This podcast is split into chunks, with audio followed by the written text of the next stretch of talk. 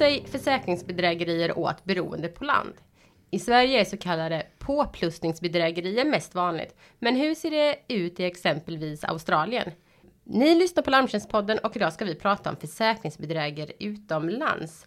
Eh, dagens gäster är Susanna Holmqvist som är utredare i Australien och Ann Hasseltano, som är utredningschef på Länsförsäkringar här i Sverige. Eh, hej och välkomna! Tackar. Tack så mycket. Vi kanske kan börja eh, podden bara med en kort presentation av AV2 så att våra lyssnare vet vilka vi har i studion. Susanna? Jag heter Susanna Holmqvist. Jag är 32 år och jobbar i Australien som så kallad private investigators, det vill säga civilutredare. Mm. Ann? Eh, jag heter Ann Hasselton och jobbar på Länsförsäkringar som utredningschef. Och har jobbat med försäkringsbedrägerier sedan 97. Länge. På Ja. ja. vi pratade precis här innan vi, eh, vi tryckte på inspelningsknapparna av att vi faktiskt är tre kvinnor som sitter här i eh, i studien och pratar om eh, utredningar. Att det, det, hur ser det ut i Australien om man ser just till kvinnoperspektivet? Är det mycket kvinnliga utredare eller hur, hur ser det ut? Nej, när jag började så var jag den enda på företaget och det var tydligen en fördel för mig för de behövde kvinnor. Så nej, det finns inte många kvinnor. De flesta utredarna i Australien är eh, gam polismän, tidigare polismän. Mm. Känner du igen det Ann? Ja, så är det i Sverige också. De flesta är ju före detta polismän. Och när jag började då 97, då kom jag in som kvinna nummer två i hela Norden faktiskt. Ja. Eh, men det har ändrats eh, under vägens gång. Och nu är det fler tjejer. Jag skulle tippa att vi är någonstans 20% kvinnor, men det är fortfarande väldigt eh, mansdominerat. Är det. Mm. Och som du sa, mycket för detta polismän. Vi har andra också absolut som jobbar och jag tycker att en mix är väldigt bra. Mm. Men det är, det är fortfarande så majoriteten ser ut. Mm. Men vi går i alla fall mot att eh, det blir mer mixat med både kvinnor och män kanske inom branschen. Och nu är vi tre stycken som sitter här. Det är bra. Ja, ja. Väldigt bra. Eh, vi ska prata som sagt lite idag om eh, utredningsarbetet utomlands. Framförallt nu har vi ju dig Susanna här i studion som är utredare i eh, Australien. Mm. Kan inte du bara berätta om hur, hur ser utredningsarbetet ut i Australien? Hur fungerar det där? Hur kan en jobbdag se ut för dig? Som eh, utredare i Australien, för det första så jobbar du, eh, du är egenföretagare och jobbar som konsult till ett annat företag. Eh, och de är specialiserade på just utredningar. I det här fallet gör vi mycket försäkringsbedrägerier. Det är, står för ungefär 80% av de olika utredningarna vi gör. Eh, en dag för mig, jag gör de så kallade factual-delarna, vilket innebär att jag går ut och tar jag får ett fall och sen så har jag en deadline, för det mesta brukar det vara på tre veckor. Och då får jag lägga upp arbetet som jag själv vill, så länge jag följer de instruktionerna, jag gör de punkter som står med. Det handlar om att åka ut och ta intervjuer, eh, samla information, prata med vittnen och sen sammanställa en rapport. Mm. Sen baserat på den rapporten så utför vi även span. Där vi följer efter dem, ser vad som har hänt. Så du är inte själva spaningspersonen, utan det är i så fall att då, då tar ni till någon annan som är duktig på just de delarna? Ja, jag har gjort lite span, men om jag gör den första utredningsbiten, då får någon annan göra span. Ja. Hur skiljer detta om man tittar på utredningsarbetet i, här i Sverige än? En utredning är alltid en utredning och det handlar om att samla information. Så mm. jag skulle tro att grundarbetet och rapporteringen ungefär ser likadan ut faktiskt. Eh, sen jobbar ju försäkringsbranschen har ju egna utredare. Det, det är inte så att man använder sig så mycket av eh, ja, privatdetektiver. Då. Vi har vissa externa bolag som man kanske använder när man har brist på, på personal. Eller mm. så. Men eh, som sagt, vi sköter ju utredningarna själva. Men det handlar ju också, vi, vi har ju våra interna kunder så att vi rapporterar och vi samlar information och pratar med vittnen och sådär. Eh, när det gäller spaning, du nämnde spaning och, och eh, det är väl inte någonting som, som är direkt vanligt eh, att man gör i försäkringsbranschen utan det är kanske undantagsfall då. Är det vanligt i Australien att man har just det här spanings Att man, Mm. Ja. det är vanligt. Ja.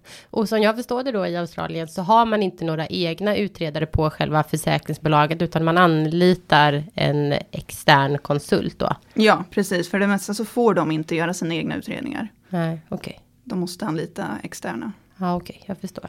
Vad, eh, vilken typ ehm, eh, av bedrägerier jobbar, jobbar du med? För som jag förstår det så är du lite kanske nischad eller att du jobbar med vissa delar mera än andra. Alltså Mm. sådana.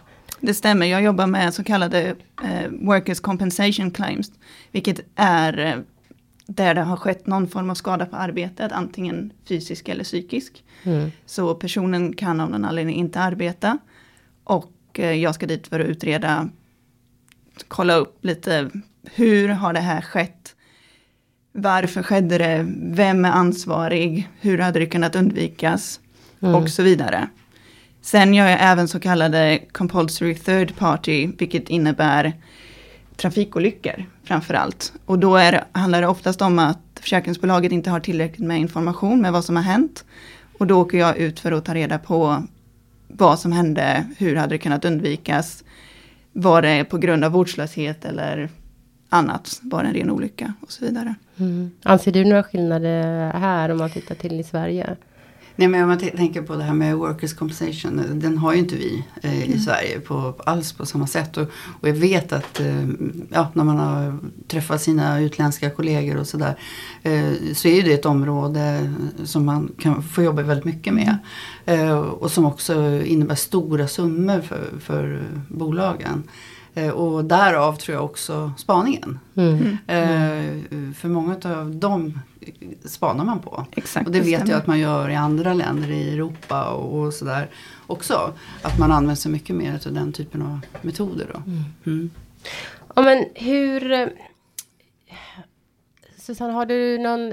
ja, Eller har du några siffror eller någon... Vad ska man säga? Aning om hur vanligt det är i Australien med just eh, försäkringsbedrägerier? För att eh, jag vet ju här i Sverige har man ganska bra koll på, eller man kan i alla fall om man tittar på mörkertal och sånt också, men man har ju en uppfattning om hur det ungefär ser ut. Hur ser det ut i Australien? Ja, eh, jag fick några siffror här från 2017. Mm. Och då är det, av de upptäckta försäkringsbedrägerierna så står det för 1,8 miljarder kronor ungefär. Mm. Eh, men då har vi inte tagit med personlig skada så som workers compensation. Okej. Så det, siffran är mer, och de tror att eh, den är runt eh, 13,2 miljarder svenska. Eh, och det, ungefär 10 procent av alla anmälningar är en form av bedrägeri. 10 procent. Mm. Och 80-85 procent av alla premier betalas ut Mm. i ja, försäkringsskador. Mm. Eh, Ann, om vi ska prata lite om hur det ser ut i Sverige. Eh, hur? Vi säger ju i branschgemensamma siffror också då mellan 5 och 10 procent. Eh, Och det skiljer lite grann beroende på försäkringstyper och sådär var man hamnar. Eh, Men också mellan ja, 3 och 6 miljarder ungefär. Eh, Som bedrägerierna kostar branschen och framförallt kostar våra kunder i form av högre premier. Mm. Eh, vilket jag tror att, att det är viktigt att eh, många får reda på. Mm. Att det är faktiskt så det fungerar. Eh, Men jag tror att eh, om man ska jämföra lilla Sverige med, med Australien så är det nog lite större. Mm. Det är många fler invånare och så vidare. Mm. Så att eh, jag kanske inte går, man kanske inte kan jämföra land mot land. nej. Sådär. Men vi, jag skulle tro att, samma när vi pratar med, med kollegor runt om i Europa och sådär, så ligger vi Eh, de här siffrorna tror jag är lite grann över hela världen. Mm. Vi pratar ungefär 10 procent och det är också de undersökningar och det vi gör, det, vi landar på 10 procent Mm, ungefär. Eh, så att eh, ja, det är nog ganska lika så. Mm. Mm. Så 10 procent av utbetalningar kan man se som, eh, som bedrägerier. Ja, Ja. Men det finns ju det där Nej, mörkertalet. Antal skador skulle jag kanske säga. Antal skador. Ja. Ja. Men det finns ju det där mörkertalet som man aldrig kommer att få reda på heller. Om man tittar på, i Sverige pratar vi ofta om att eh, just försäkringsbedrägerier inte är eh, prioriterat i, eh, av rättsväsendet. Hur, eh, hur är känslan i Australien? Ja, alltså jag har lite svårt att svara på om det är prioriterat av rättsväsendet, men de har ju ändrat vissa lagar och regler så att det ska bli svårare att utföra bedrägerier. Det har 2017 ändrade de en, reg, en lag som gör att det är olagligt nu att, vilket inte var tidigare, att när du fyller i en anmälan och skada så får du inte utelämna någon form av information eller säga någonting som är falskt eller missledande. Mm. Det var på, eh, för inte, du, då straffades du inte av det på samma sätt. Hur gör ni med polisanmälning? Polisanmälan är ofta, Inte vi, men försäkringsbolagen gör. de gör det? Ja. Mm. Det gör de. För där, ser det lite olika ut. Mm. Och, och, eh, generellt sett så eh, kanske inte vi polisanmäler lika mycket som vi borde. Eh, Och jag tror att det lite grann bilden eh, ser lite likadan ut överallt. Att man kanske hanterar de här Internt. internt. Ja. Mm. Men där behöver vi bli bättre tror jag, rent generellt. Ja, och säkert Och det, också- det handlar ju också om att ge eh, rättsväsendet kunskap om de här ärendena. Mm. Och det är det vi kan göra. Mm. V- Varför polisanmäler man inte? Eh, ja, det är ju av olika skäl. Det är ju faktiskt så att de som jobbar som utredare eh, jobbar ju inte för ett, med en brottsutredning. Utan man jobbar på civilrättsliga grunder. Mm. Och, och många gånger så är det ju också, eller det är det också man fattar beslut på. Mm. Eh, och därför så blir det inte polisanmälan. Är det så att det är uppenbart så, så polisanmäler vi i de allra flesta fallen. Eh, Men sen kan det också bero, vi har ganska mycket svårigheter här i Sverige och det är inte okänt att polisen kanske inte utreder heller eh, i den omfattningen som vi skulle önska. Så jag tror att vi kan absolut polisanmäla mer. Mm. Eh, Du menar att det finns någon form av frustration i att... Ja, det kan inte- finnas en frustration i att det kanske inte blir omhändertaget. Eh, och då blir det en liten ond spiral. Eh, men jag försöker uppmuntra och jag tycker att vi ska polisanmäla mer än vad vi gör. Om man tittar på de vanligaste försäkringsbedrägerierna i Australien. Hur ser det ut eh, där Susanne? Det var lite samma som i Sverige, de här påplussningsbedrägerierna. Mm. Eh, de överdriver, det kan vara en legitim anmälan men de överdriver värdet Mm. på den. Det är det vanligaste och sen även det här att en bil är stulen men i själva verket är den uppeldad. Ja, okej. Det är också väldigt vanligt. Har ni sett, om man säger trender som man kan se lite här i Sverige ibland att eh, jag, jag tänker på det här med arrangerade trafikolyckor, att man har sett så här över åren att just nu sker det mycket av den här typen av skador eller att eh, ja, mycket reseskador eller just nu är det mycket av det här som görs anmälningar på. Kan man, har ni sett några sådana saker som du känner till i Australien? Jag känner till att det är en uppgående trend på reseförsäkringar och på trafikskador. Ja. Alltså olyckor som du säger, Ja. arrangerade. Eh, Det är de som har gått upp mycket, framförallt motorfordon. Alltså Ja. olyckor med motorfordon har gått upp mycket. Känner du igen det Ann här i Sverige? Ja, arrangerade trafikolyckor och bilbränder är ju ett ganska stort problem Mm. eh, för oss. Och, och eh, jag kan tänka mig också, det finns ju två dimensioner i det. Det ena är bilen, det andra är kanske en personskada.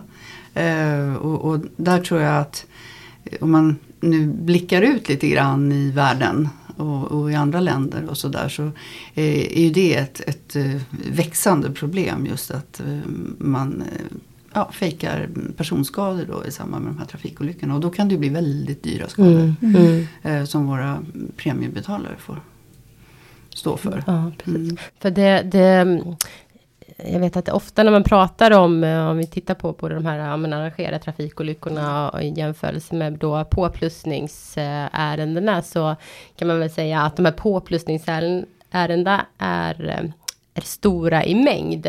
Men tittar man på de här andra skadorna, det bi- bränner, eh, brinner bilar och fastigheter etc. Så är de väldigt höga i omkostnader, kanske inte lika många men det är, det är stora kostnader. Ja, jag skulle säga ungefär tror jag, 80 procent är Ja. påplussningsärenden utav de vi har. Men de står inte för så stor kostnad Nej. kanske som de här rent arrangerade skadehändelserna. Men jag skulle, det finns ju också eh, påplussningsärenden. Det kan man ju också kalla en, en eh, trafikolycka. Det kanske är en befintlig trafikolycka men där man eh, kanske inte riktigt är ärlig då med hur man är skadad. Mm. Faktiskt. Så, så att det, och det är också då som en påplussningsärende. Ja, det finns en befintlig skada. Eh, men som man eh, överdriver. Och, och, det är ju det största problemet för, för oss och det tror jag ser ut så också i, i, i många länder, i resten av världen egentligen, så är påplussningarna eh, absolut vanligast. Mm. Eh, men sen är det ju så här, det är viktigt för oss att hela tiden vara på tårna. Ja, vi arrangerar trafikolyckor nu eller det kanske kommer någon annan brottstrend som, som vi är tvungna att, att följa upp. Mm. Och det här är, ändras ju över tid. Mm. Eh, reseskador är ju ett område också som är eh, känt inte bara i Sverige utan i, i överallt Mm. egentligen. Eh, att man utnyttjar mm, eller missbrukar den försäkringen. Mm. Eh, Som exempelvis. Ja, Mm. men som ekve- exempelvis till exempel att man eh, påstår att man blivit skadad utomlands. Eh, fast det kanske egentligen är en förväg planerad operation eller ett Mm. ingrepp. Det, den Mm. är ganska vanlig. Mm. Men också att man har haft mycket dyrt bagage med sig och väskan är borta. Mm. Och, och den typen av gods. Mm. Eh, Så kan det också vara. Eh, Så där, där finns det ju en ganska stor bredd vad som Mm. kan hända utomlands. Egentligen Mm. så är det ju så att allt som kan hända här kan ju också hända utomlands. Absolut. Eh, Men på något sätt så är ju det också lite mer svårkontrollerat. Mm. Tror man. Ja, Mm. men det är ju inte riktigt så. Utan vi, vi har ju bra kontaktnät och, och kontrollerar skador även utomlands. Mm.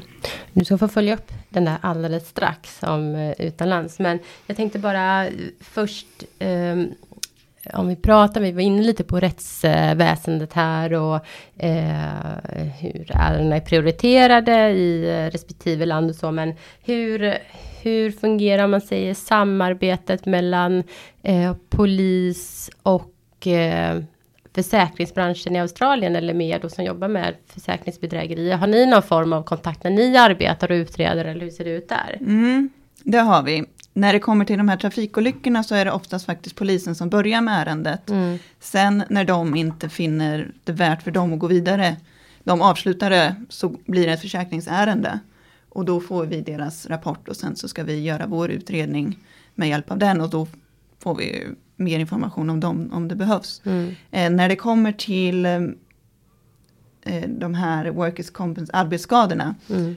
då har vi inte så mycket kontakt med polisen för det är inte det är sällan relevant att prata med dem. Mm, Om det, inte, mm. det är inte vår uppgift Nej. i det, för det är inte det är inget brott de har utfört så som vi vet eller ska anmäla. Samarbetar man i, eh, för här i Sverige så samverkar man, vi har ju till exempel Larmtjänst då som är en branschgemensam organisation för försäkringsbolagen för att minska då försäkringsbedrägerierna. Finns det något liknande i Australien att man, att man har någon övergriv, övergripande organisation eller något samverkan mellan bolagen för då att minska, man säger, eh, försäkringsbedrägerierna i landet? Alltså de har ett företag, eller ja, det är en finns något som heter The Insurance Fraud Bureau Australia. Mm. Och där, de har ju mycket koll på just försäkringsbedrägerier överlag Mm. i Australien. Och det är dit man anmäler till exempel om du vet om ett försäkringsbedrägeri. Så har de en så kallad hotline Mm. dit du ringer och kan anmäla och de tar det. Men de gör inga utredningar. Nej. Däremot så är det vidarebefordrar de all sån information till den som är nödvändig att utreda vidare. Och då är det någonstans man ringer och för att tipsa om ett bedrägeri. Precis. För det har vi här i Sverige också. Ja, vi har ju stöldtipset. Precis. Eh, och det är ju våran branschgemensamma eh, telefon. Ja. Eh, Och dit kan man ju ringa Ringa. och tipsa Precis. också. Men om vi, om vi ska, om vi går vidare lite på, om man tittar på hur man jobbar mot allmänheten för att minska försäkringsbedrägerier. För jag vet att många diskussioner kan vara, när man pratar om att minska försäkringsbedrägerierna kan vara att man hamnar lite på rättsväsendet och då fastnar man lite i det här att eh, hur prioriteringarna ser ut inom rättsväsendet och liknande. Eh, och om man vänder lite på det då hur man jobbar med informationen till och mot eh, allmänheten. Eh, hur eh, hur jobbar man- i Australien just med information till allmänheten om hur att försäkringsbedrägerier är ett brott och eh, hur man ska minska bedrägerier. Finns det något sådant arbete i Australien? Jag är inte medveten om något sådant arbete faktiskt. Nej. Vad gör man i Sverige? Ja, Ja, vi, här gör vi framförallt arbete via eh, larmtjänst och kanske Svensk Försäkring. Och, och, där har vi haft lite attitydfilmer mm. eh, som har gått ut. Så att jag tror det mesta, mesta sker ju på branschgemensam mm. nivå. Då. Sen kan man tycka att man kanske kan göra ännu mer. Om man tittar i andra länder och om man är i USA så blir det ju väldigt mycket stor reklam. Eller vad som är bedrägerier och mm. vad man inte får göra och vad som händer om det är så att man eh, gör det.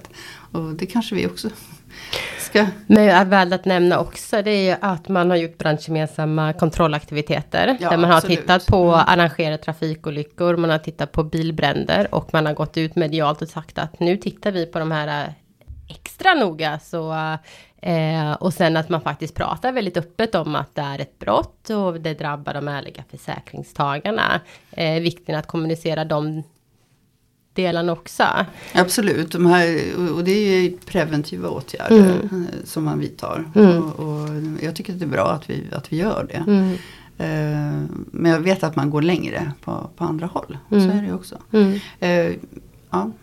Eh, vi har ju gjort undersökningar också och våra kunder tycker det är jätteviktigt ja. att vi jobbar mot bedrägerier.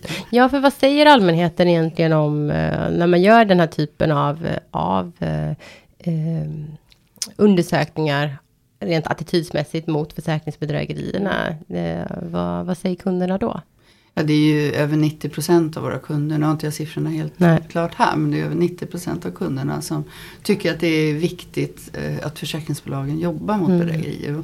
Och, och, någonstans är det ju så också att det påverkar premien i slutändan. Så att det, eh, det är viktigt. Och, och, mm, det är också till och med så viktigt att många kanske väljer försäkringsbolag efter om de vet om ett bolag eh, arbetar med, med de här frågorna eller inte. Eh, så att vi gör det här för våra kunder. Mm. Mm. Hur, ehm, hur ser det eh, långsiktiga arbetet ut att, eh, för att motverka bedrägerierna? Har ni några tankar om det? Ja, det, det de har gjort i Australien det var det där när de ändrade den där lagen. Sen har de också de har börjat göra mer intern träning där utredarna själva ska kunna fiska upp när det kan vara ett bedrägeri. Mm. Och då skicka det vidare. Eh, de gjorde ju även en attitydsundersökning i Australien och där var ju den generella attityden att det är ju ett så kallat victimless brott. Alltså det vill säga det finns inget eh, offer. Nej. Utom för försäkringsbolagen så är det som en droppe i Atlanten för det handlar ju bara om några tusen lappar. Mm. Eh, dock så tyckte ju 94% medgav att det är ett bedrägeri när du eller det är ett brott när du begår ett bedrägeri. Men över hälften sa att om de var medvetna om ett bedrägeri så skulle de inte rapportera det. Nej. Det är lite intressant. Då har vi lite kanske olika inställning ja. i, i respektive land. Mm. Faktiskt. Ja, det stämmer. Eh, hur, hur, vad säger du Anna om det långsiktiga arbetet med, för att motverka bedrägerierna här i Sverige? Jag tror mycket att det handlar om en attitydsfråga. Mm. Jag tror att det handlar om att man medveten gör att det här är ett brott. Mm. Och, och, eh, och, jag tror också att det är viktigt att bedrägerierna, jag tänker rent allmänt så har ju de eskalerat enormt eh, de sista tio åren. Mm. Eh, rent allmänt. Så, eh, så jag tror att det är viktigt att både myndigheter och eh, försäkringsbolag vidtar åtgärder för att ja, medvetengöra det här brottet. Och även att man faktiskt ser att det händer någonting om det är så att man begår ett brott ett bedrägeri. Mm. Uh, vi har lite utrymme i straffskalan och man kanske skulle titta över eftersom det här är en sån eskalerande brottslighet. Vi ser också hur annan brottslighet går över i bedrägerier, som eh, annan grov brottslighet. Uh, och även organiserad brottslighet. Uh, så jag tror, jag tror att det är jätteviktigt att vi pratar om det och jag tror det är viktigt att vi medvetengör och att man faktiskt gör ett ställningstagande mot den här brottsligheten som är mm. så eskalerande som den är. Mm. Du, Ann, du har varit inne lite, nu sitter vi ju här med um, man säger, en representant från utredarvärlden i Australien. Och, eh, du varit inne lite på det tidigare, att, eh, att det kan se annorlunda ut och hur man kan lära sig att det, det kan se lite annorlunda ut i Sverige jämfört med andra europeiska länder. Eh, också. Hur, kan man, hur kan man lära sig från, om man säger, varandra rent landsmässigt? Finns det idag något, om man säger internationellt samverkansarbete mellan, mellan gränserna? Ja, vi, vi, har eh, samverkans, eh, absolut, mellan via olika ideella organisationer. Och, eh, sen är det också viktigt att ha kontakt med de här gemensamma, eller som eh, USA har NICB och Eh, så vidare där, där, vi kan utbyta. Och sen är det ju att bedrägerierna är ju gränslösa till exempel om vi tittar på eh, bilimporter och, och, sånt där så, så, måste vi ha en kontakt löpande med dels våra grannländer men även ännu längre bort. Mm. Och pratar vi reseskadorna så är vi beroende av varandra över hela världen. Mm. Eh, jag har också, vi har kontakter i Australien också eh, som vi prata med och, och, som hjälper oss om vi skulle behöva. Ja, för det förekom, hur gör ni om det förekommer det att ni kan att om det begås ett bedrägeri, till exempel då Australien, eh, att ni har någon där då på plats som kan hjälpa till med de här ja, delarna? Exakt, ja. att vi gör, behöver göra en kontroll på plats mm. och då är vi eh, otroligt viktigt att vi har vårt nätverk och då mm. kan vi göra det. Hur ser det ut i Australien när man tittar på samverkan mellan olika länder i de här frågorna? Eh, ja, jag kollade det med företaget som jag arbetar med och de är inte medvetna om någon samverkan annat än med Nya Zeeland. Nej. Däremot så har ju vi inte hanterat några reseförsäkringar på det viset så att jag vågar inte svara på hur det är när det är en reseförsäkring och något har hänt i ett annat land. Det är mycket möjligt att det finns en samverkan där. Mm, mm.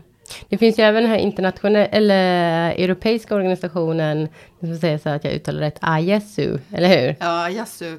Eh, eh, det finns ett eh, chapter liksom i Europa. Ja. Men det finns också internationella ISU, har sin grund i USA och sen så finns det en massa då chapters runt om i, i världen. Europa är ett av dem men och USA är det egentligen i varje delstat som har. Och Kanada och Sydafrika. Och Ehm, och där har vi även de som är aktiva som kommer från Australien ibland på de här mötena. Ehm, vilket är kul. Mm. Där man knyter då kontakt och nätverkar. Och framförallt är det ju så att som vi pratar om här att ja, men vi har nya problem med arrangerade trafikolyckor i Australien. Och, ja, och det har vi i Sverige också.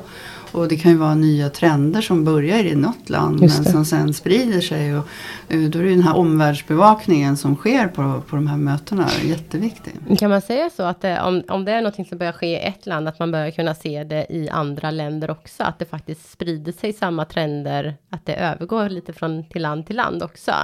Ja, eh, tycker jag absolut att man kan säga. Mm. Men det kan ta lite tid. Mm. men, och det är därför det kanske är bra att eh, ja, men det här känner jag ändå till, det här moduset och mm. hur man kan göra. Då är man lite på tårna? Ja, man kan vara lite på tårna och, göra, och även göra kontroller. Hur det ser ut hos oss? Det kanske inte är någonting men det kanske är någonting som kommer. Mm. Mm. Så kan det vara. Jag tänkte försöka börja avrunda lite här. Eh, tiden springer iväg. Eh, är det någonting som ni tycker att ändå är, är värt att nämna eh, när vi sitter här och pratar om utredningar bland länderna, olika länder? Ja, den största skillnaden är väl det faktum att ni har ju som du säger era egna utredare på försäkringsbolaget medan vi är ju inte, jag jobbar ju inte för försäkringsbolaget på det viset. Nej. Så de är ju faktiskt ganska tight-lipped så att säga. Alltså om informationen, de ger bara ut så pass mycket som de, vi absolut måste veta för att kunna mm. utföra vårt arbete. De mm. får inte ge oss något syfte eller på något vis vara jäviga utan de måste vara väldigt mm. objektiva och sakliga. Mm. i den information de ger oss. Mm. Och så är det, när vi använder externa resurser så, så ställer man ju bara de frågor man vill ha svar på. Mm. Det är inte så att man delger hela. Så det kan jag förstå. Ja, det är olika mm. arbetssätt helt enkelt mm. eh, i Sverige och i Australien. Sen att, eh, att utredningar bedrivs på, på liknande sätt. Eh, ett utredningsarbete, som du säger Anna, är ju ändå ett utredningsarbete. Informationen ska fås fram. Ja, och jag tror att båda, båda funktionerna behövs. Att man dels har eh, externt eh, eller externa byråer eller annat som jobbar med de här frågorna. Men även att man jobbar mer internt. Men eh, grunden är ju, och det visar ju också våra enkätundersökningar, våra kunder är ju ärliga. Men det är den här lilla klicken som Mm. vi, vi vill hitta. Och det är de som förstör för de eh, ärliga Det är de kunderna som också. förstör för de Mm. ärliga kunderna. Där tycker jag att vi avslutar. Eh, ni har hört eh, Larmtjänstpodden som är en podd från Larmtjänst som är en branschorganisation för sakförsäkringsbolagen att syfte att bekämpa försäkringsrelaterad brottslighet. Dagens gäster var Susanna Holmqvist och Ann Hasseltano. Jag heter Åsa Sönneby. Ni får gärna dela podden i alla era sociala kanaler så tackar jag för att ni lyssnade så hörs vi igen. Tack!